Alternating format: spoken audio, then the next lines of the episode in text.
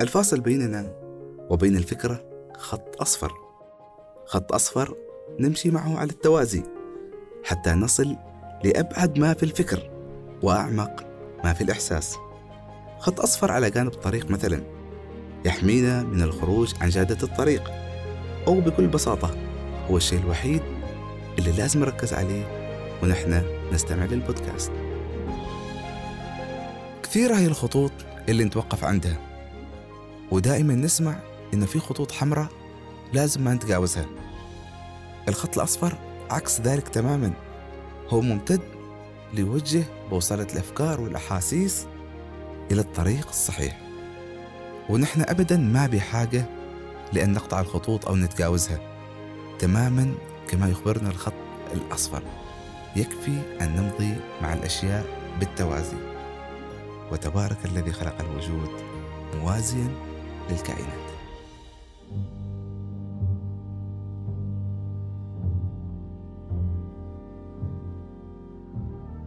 السلام عليكم. في هذه الحلقة إهداءين. أما الأول فإهداء يدل دربه كما يقال لتلك الروح التي هامت في الفضاء الفارغ الفسيح وضاعت فيه لسنوات أطول مما يعدون. مضى عليها دهر حتى سقطت في ثقب أسود في السماء القصية. ظنت أنها هالكة. حاولت أن تسبق الموت بكل ما أوتيت من أشكال الانتحار. لكن لطفا خفي ونورا في القلب أوقد من الشجرة المباركة. فكان الثقب الأسود نور من فوقه نور في زجاجة كأنها كوكب دري. وكان الله في تلك الروح. لذا نجت واستقرت في حياة يبدو من شكلها أنها الحياة الدنيا لكنها في ألقها حياة علوية تنتمي إلى السماء وما هذه الأرض التي نمشي عليها إلا طبقات من شعور ترتفع بنا بقدر شعورنا الذي نعيش وبقدر أفكارنا التي تحلق بنا فوق سطح الأرض. كثيرون مروا من يديه وأفلتوا ولموا حصن في الروح حتى تفتتوا. كثيرون لا معنى لهم غير أنهم كثيرون مروا من يديه وأفلتوا. واحد من القوانين التي لم أكن قادر على استيعابها عندما كنا ندرسها في المدرسة هو قانون القصور الذاتي. بالرغم أنه في ذاك الزمن ما حد قالنا أنه اسمه القصور الذاتي. يقول نيوتن في قانونه الأول الجسم الساكن يبقى ساكن والجسم المتحرك يبقى متحرك ما لم تؤثر به قوة ما. زمان كنت أقول طبعا وكنت أعتقد أنه هالكلام بديهي. لكنني وأنا أقرأ مؤخرا في رواية عالم صوفي استوعبت أن هذا القانون لا ينطبق على الأرض فقط بل حتى على الفضاء. وأشرنا لذلك في الحلقة السابقة. واليوم وفي هذه الحلقة أجد هذا القانون لا يمتد للفضاء الخارجي فقط بل حتى لعالمنا المعنوي لأن حياتنا ستظل تسير في اتجاه واحد إذا لم تؤثر عليها مؤثرات خارجية أو داخلية. وطبعا وبدون شك المؤثرات لا حصر لها ولا عد وهذه الحلقة اسمها مسارات وهي مسار أو جزء من مسار كاتب الحلقة ومقدمها وجزء من مسار حياتك عزيز المستمع.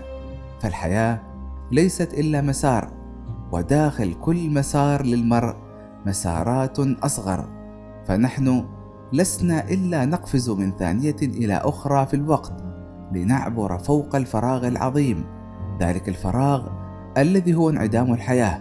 تخيل أن الموت ربما ليس إلا سقوط في الفراغ العظيم أو ربما هو الخطوة الأخيرة عند آخر ثانية متاحة من الوقت.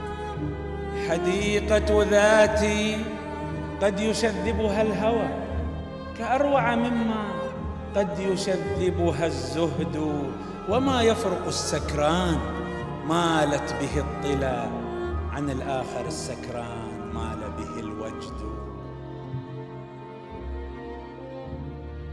نعود إلى المسارات ولا أظننا خرجنا عنها.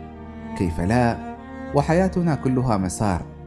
فها نحن اليوم وبعد مضي ما يقارب سنتين إلا شهرين ها نحن نواصل الطريق عبر مسارنا الأصفر لنصل إلى الحلقة التاسعة عشر.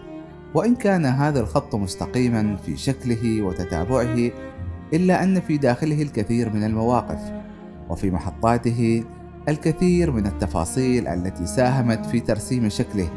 ولست هنا إلا أستخدم البودكاست كمثال على المسارات كونه الأقرب حاليا إذ أن الإعداد لهذه الحلقة بحد ذاته مسار ولربما من الصعب أن أقول أنني اخترت هذا المسار خصوصا إذا عدنا لقانون القصور الذاتي.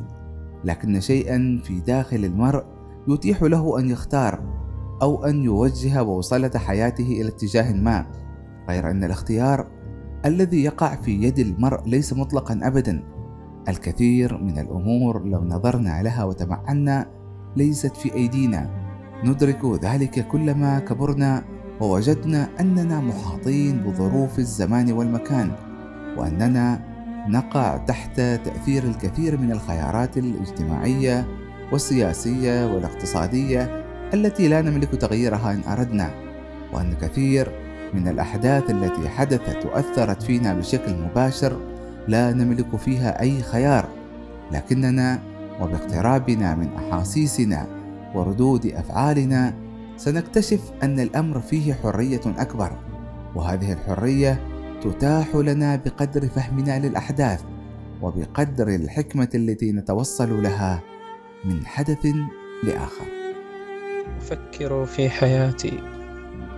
كيف تمضي وتنحت في ملامحي ارتباكا أنا ابن عواصفي ما كنت برا بهن فعلمتني الاشتباكا وثرت على البلاد فكيف أرض تراها كل شيء لا تراك؟ وراجعت انتماءاتي طويلا.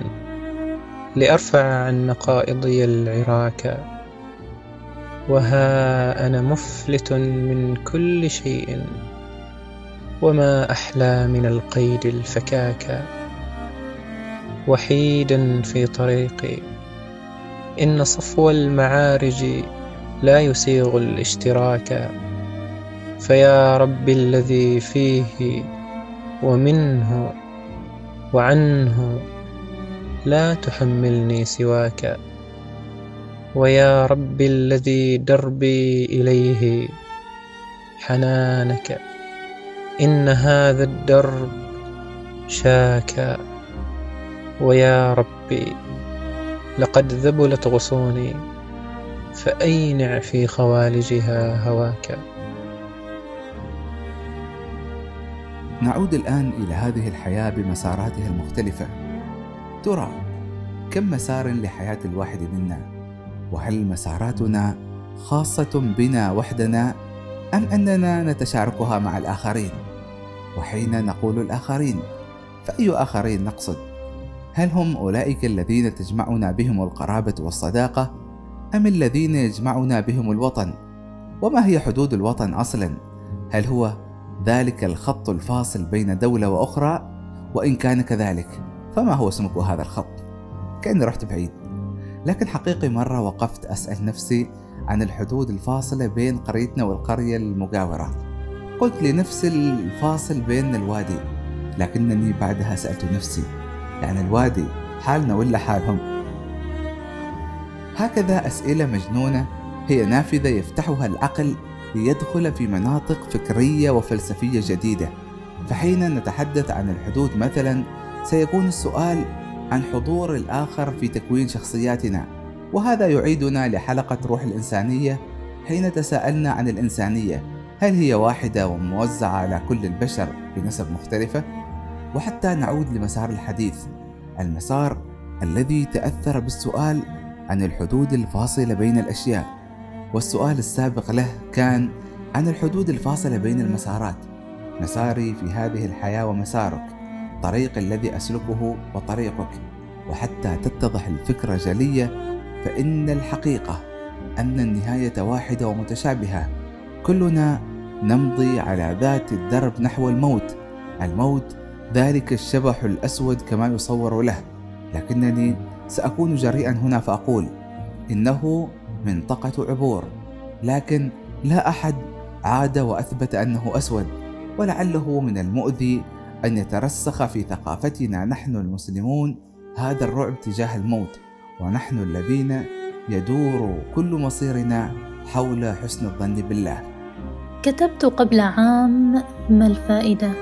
إذا اتبعت مسلكا لهذه الحياة البائسة. التعجت والعجاج بات في طريقي كأنه يقول كل المعاني للحياة واحدة.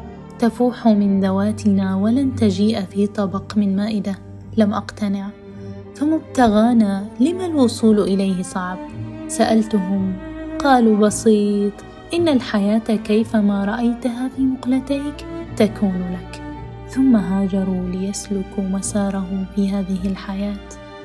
يا رب إني متعب وحائر لكنني أرجوك أن تدلني على خريطة الحياة.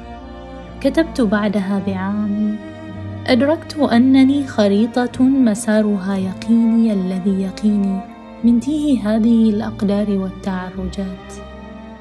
فالحياة منهج ومسلك صريح لو غدت آمالنا في ذاتنا منعقدة.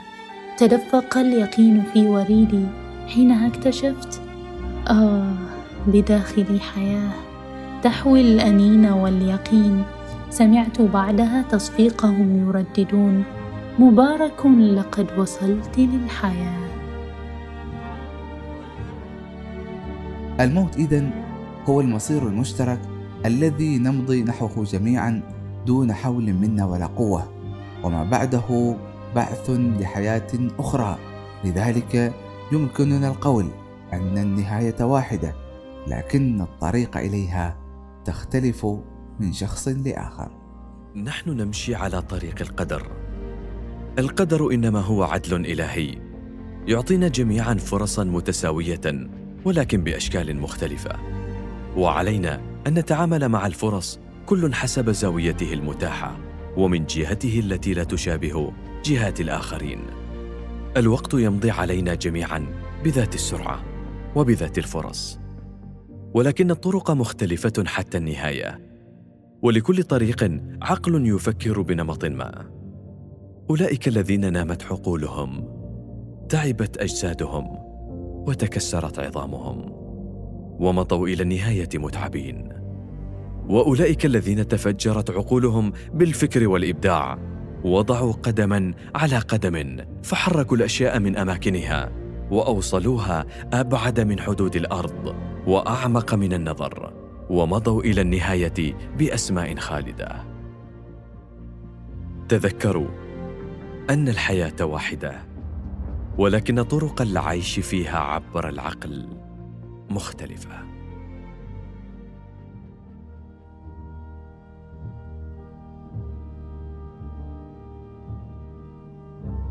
كما قلنا في بداية الحلقة نحن بين تأثر بالمحيط وتفاصيله. والزمان وملامحه بين أننا مسيرين ومساراتنا شبه مرسومة بين أننا لا نملك خلق مسارات جديدة أو أن نختار هذا المسار أو ذاك وبين أن تكون ردة فعلنا بطريقة أو بأخرى. نحن فعلا نسير وفق كون مسير بقوة عظيمة لا نملك فيها إلا جزءا لا يذكر من القوة لكن العظيم صاحب القوة العظمى جعل لتلك القوة اليسيرة التي نمتلكها أثرا في تغيير مسار حياتنا الشخصي أو ربما يمتد هذا الأثر للمحيطين بنا. وكلما تمكنا أكثر من تلك الأدوات التي آتانا الله إياها كلما كان أثرنا أكبر في تصحيح مساراتنا ومسارات الناس من حولنا. سريعة جدا هذه الحياة. تخيف صانعي الساعات الثمينة. تجعلهم يسارعون في صناعة ساعة باهظة الثمن لثري فاحش الثراء. أخبرهم بالمواصفات المطلوبة وأمهلهم ثلاثة شهور فقط لصنعها. سريعة جدا. تسقط دموع الناسكين الذين فوتوا قيام ليلة واحدة. تشد أكفهم إلى الأعلى. تنطق أفواههم المرتجفة التي بدأ ينثال عليها الدمع الساخن المالح مستفزة بسرعتها. نضحك كثيرا ونبكي كثيرا. نتمرد بقدر استطاعتنا. يمنعنا المرض من الخروج مع صديق في موعد إلى السينما. يتبخر كل هذا ويتكثف. ليصبح سحابا أسود تارة وأبيض تارة أخرى يهطل علينا بمطر الذكريات الغزير. فيكبر الطفل الذي يحبو بحماسة مملوءة بالفضول ليصير كهلا يخبو بسرعة كبيرة يمهد للأفول. إن الأثر الذي نتركه في حياة أحدهم صعب قياسه وصعب توجيهه إذ كما قلنا أن ردة الفعل خيار شخصي يمتلكه الآخر.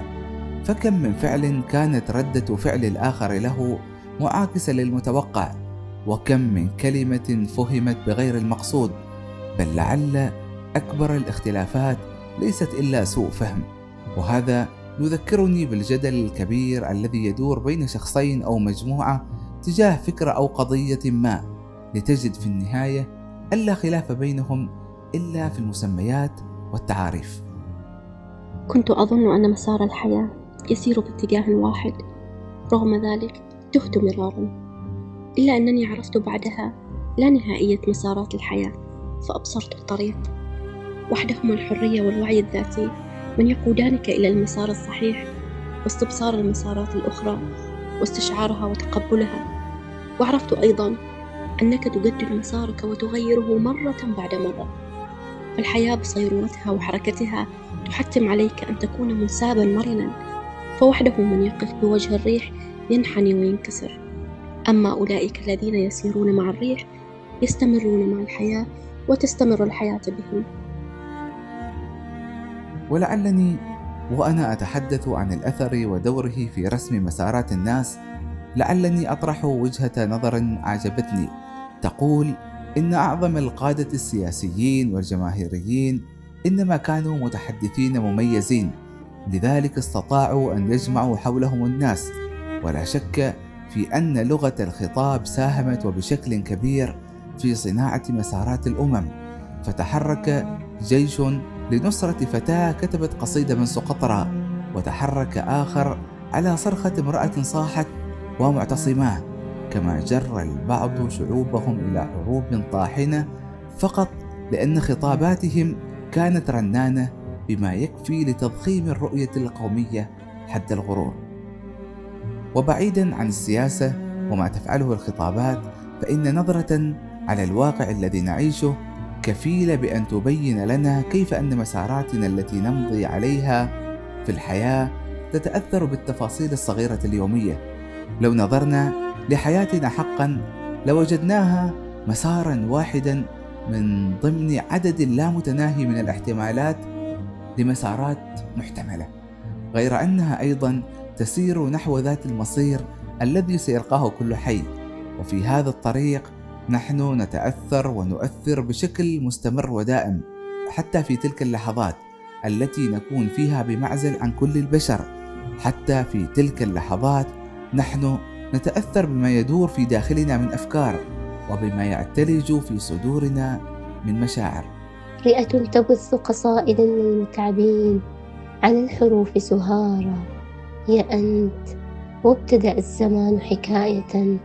فتعال نتخذ الحنين مسارا. وتعال ألف يد تمد لنا رؤى فاختر من الوجه القديم منارا.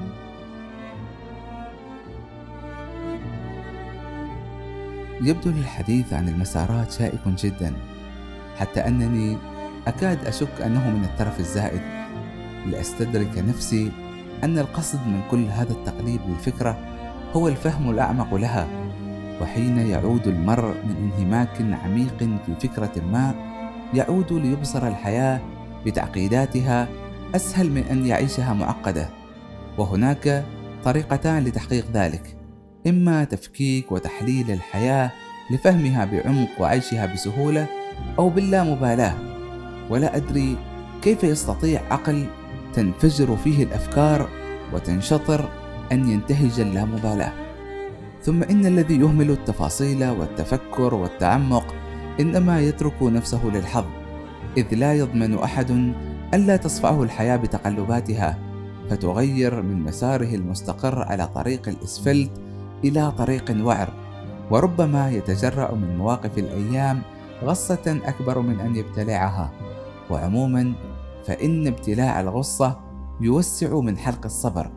لذا كل ما يحتاجه المرء أن يصبر حين يبتلع الغصة الأولى إذ أن كل غصة بعدها ستعبر بهدوء لكنها بلا شك ستتراكم في القلب حتى يعلو عليه السواد والأسود لا يليق بالقلب أبدا. لذا على المرء أن يبحث عن مناطق الراحة. نعم أقولها وبكل ثقة على المرء أن يبحث عن مناطق الراحة والراحة ليست بخمول العقل أو الجسد بل برضا الضمير ولذة الإنجاز. على المرء أن يفهم الدعوات الكثيرة للخروج من مناطق الراحة إذ أن الغرض من هذه الحياة أن يبلغ المرء أسباب الرضا والسكينة قبل أن يكون الهدف ركض خلف أسباب الشقاء والتعب. ومناطق الراحة تعريف متسع وأصبح يستخدم كثيرا لكنه في حقيقته مختلف من شخص لآخر يتورط به من ينتهج التقليد ويرتاح به من يدرك حقيقته فمنطقة الراحة لأحدهم هي منطقة التعب لآخر. ليس من السهل الإقرار أو اتخاذ المسار الذي يود المرء العيش من أجله فبعضنا يختار مسارات تم توجيهه لها من أجل أن يعيش من وجهه لها والبعض الآخر يختار المسارات التي يحتاجها فقط ويترك الأخرى مظنة أن تكون تلك المسارات خاطئة وغير صحيحة. من وجهة نظري لا أعتقد أن هناك مسارات صحيحة ومسارات خاطئة. دائما هناك مسارات مناسبة فقط. نعم قد يختارها البعض في غير أوانها أو من غير الشخص المناسب لها. لكنها تبقى دوما مناسبة إذا ما تم اختيارها بالطريقة المثلى حتى المسار الذي سلكته الآن لقيامي بهذا الحديث ربما سيكون مناسبا لو كان في غير الوقت الذي سلكته الآن. في هذه الحياة نمضي على مساراتنا دون توقف إذ العمر لا يتوقف. نمضي وفي داخلنا بوصلة حسية وفكرية. تقودنا إلى الدرب الصواب وحين تضل بنا البوصلة ويصبح الطريق هلاميا رمادي وحين تتقطع بنا السبل نقف في الضياع العظيم لندعو الله أن يهدينا الصراط المستقيم.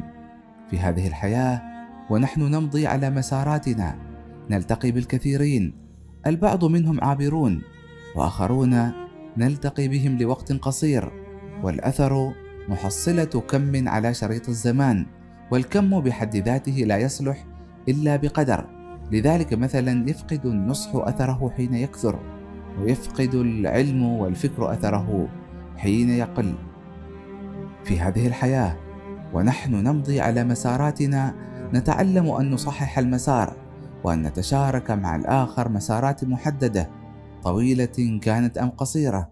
نتعلم أن البعض لابد أن نركب معهم قطارات المسافات البسيطة بينما نتشبث مع آخرين في رحلة السفر الطويل حتى آخر العمر بحثا عن النجاح اولا وعن الحب ثانيا. فإن الذين تجمعك بهم قصة نجاح تتعلق بهم أكثر من أولئك الذين تجمعك بهم قصة حب.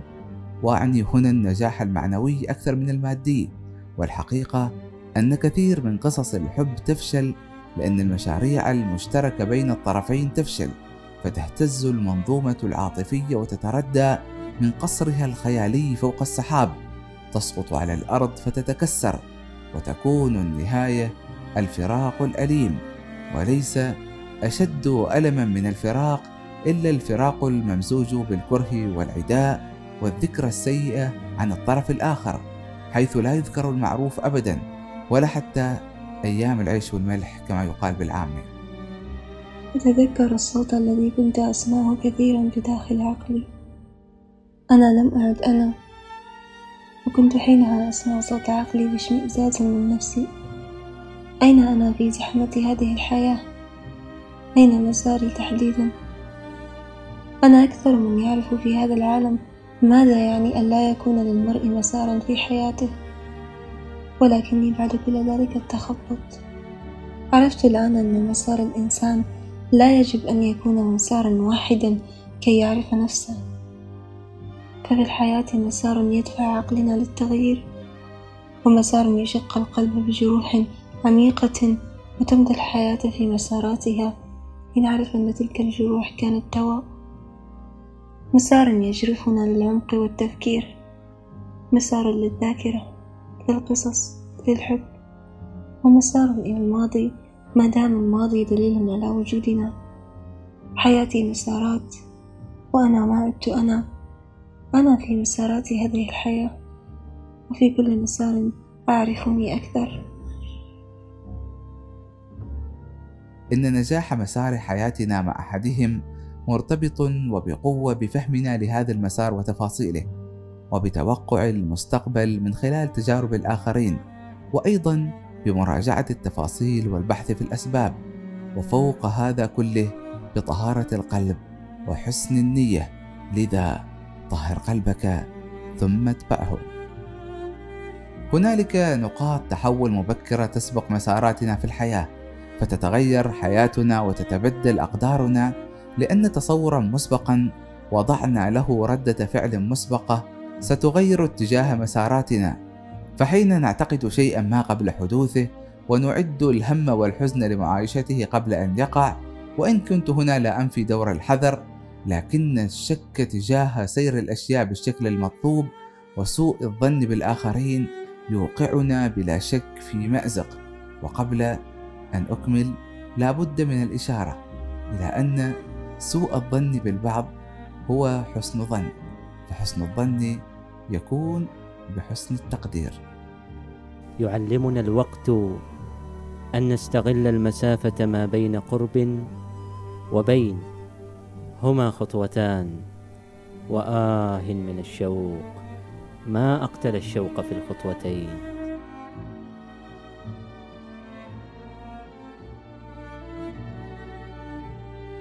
في الختام. فإن الإهداء الثاني في هذه الحلقة كما قلت في البداية إهداء يعرف دربه. لكنني حين قلت ذلك في البداية كنت أقصد شخصا ما أشعل شرارة كتابة هذه الحلقة.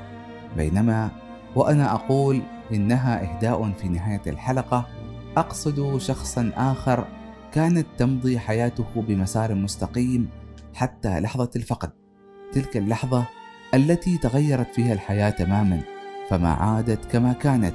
ولو أن بيد صاحبها أن يعود للوراء لعاد ليصحح مسار الفقيد ليمنعه من تلك الرحلة التي لا أريد أن أقول عنها مشؤومة فأنسف كل ما قلته في الحلقة.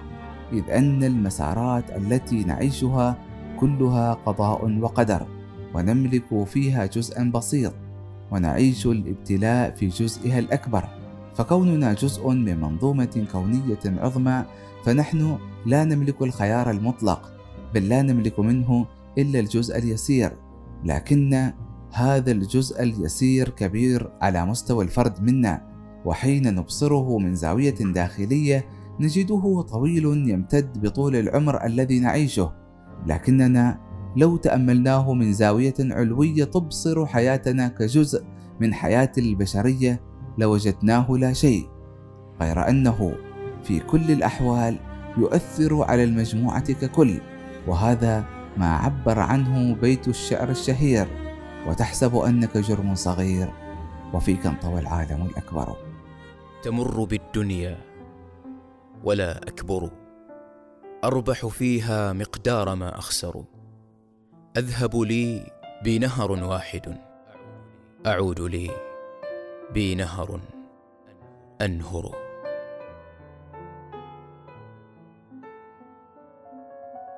كانت هذه الحلقة التاسعة عشر من بودكاست خط أصفر. هذا الخط الذي يرسم لنا مسارا كبيرا واسعا نمضي به معكم على التوازي حتى نصل لأبعد ما في الفكر وأعمق ما في الإحساس. وفي الختام هذه تحيات فريق العمل. شيماء الصبيحي في إدارة البودكاست. ريان الغافري في التسويق والعلاقات. آمن الكندي في التدقيق اللغوي. وهيثم الحضرمي في الإخراج.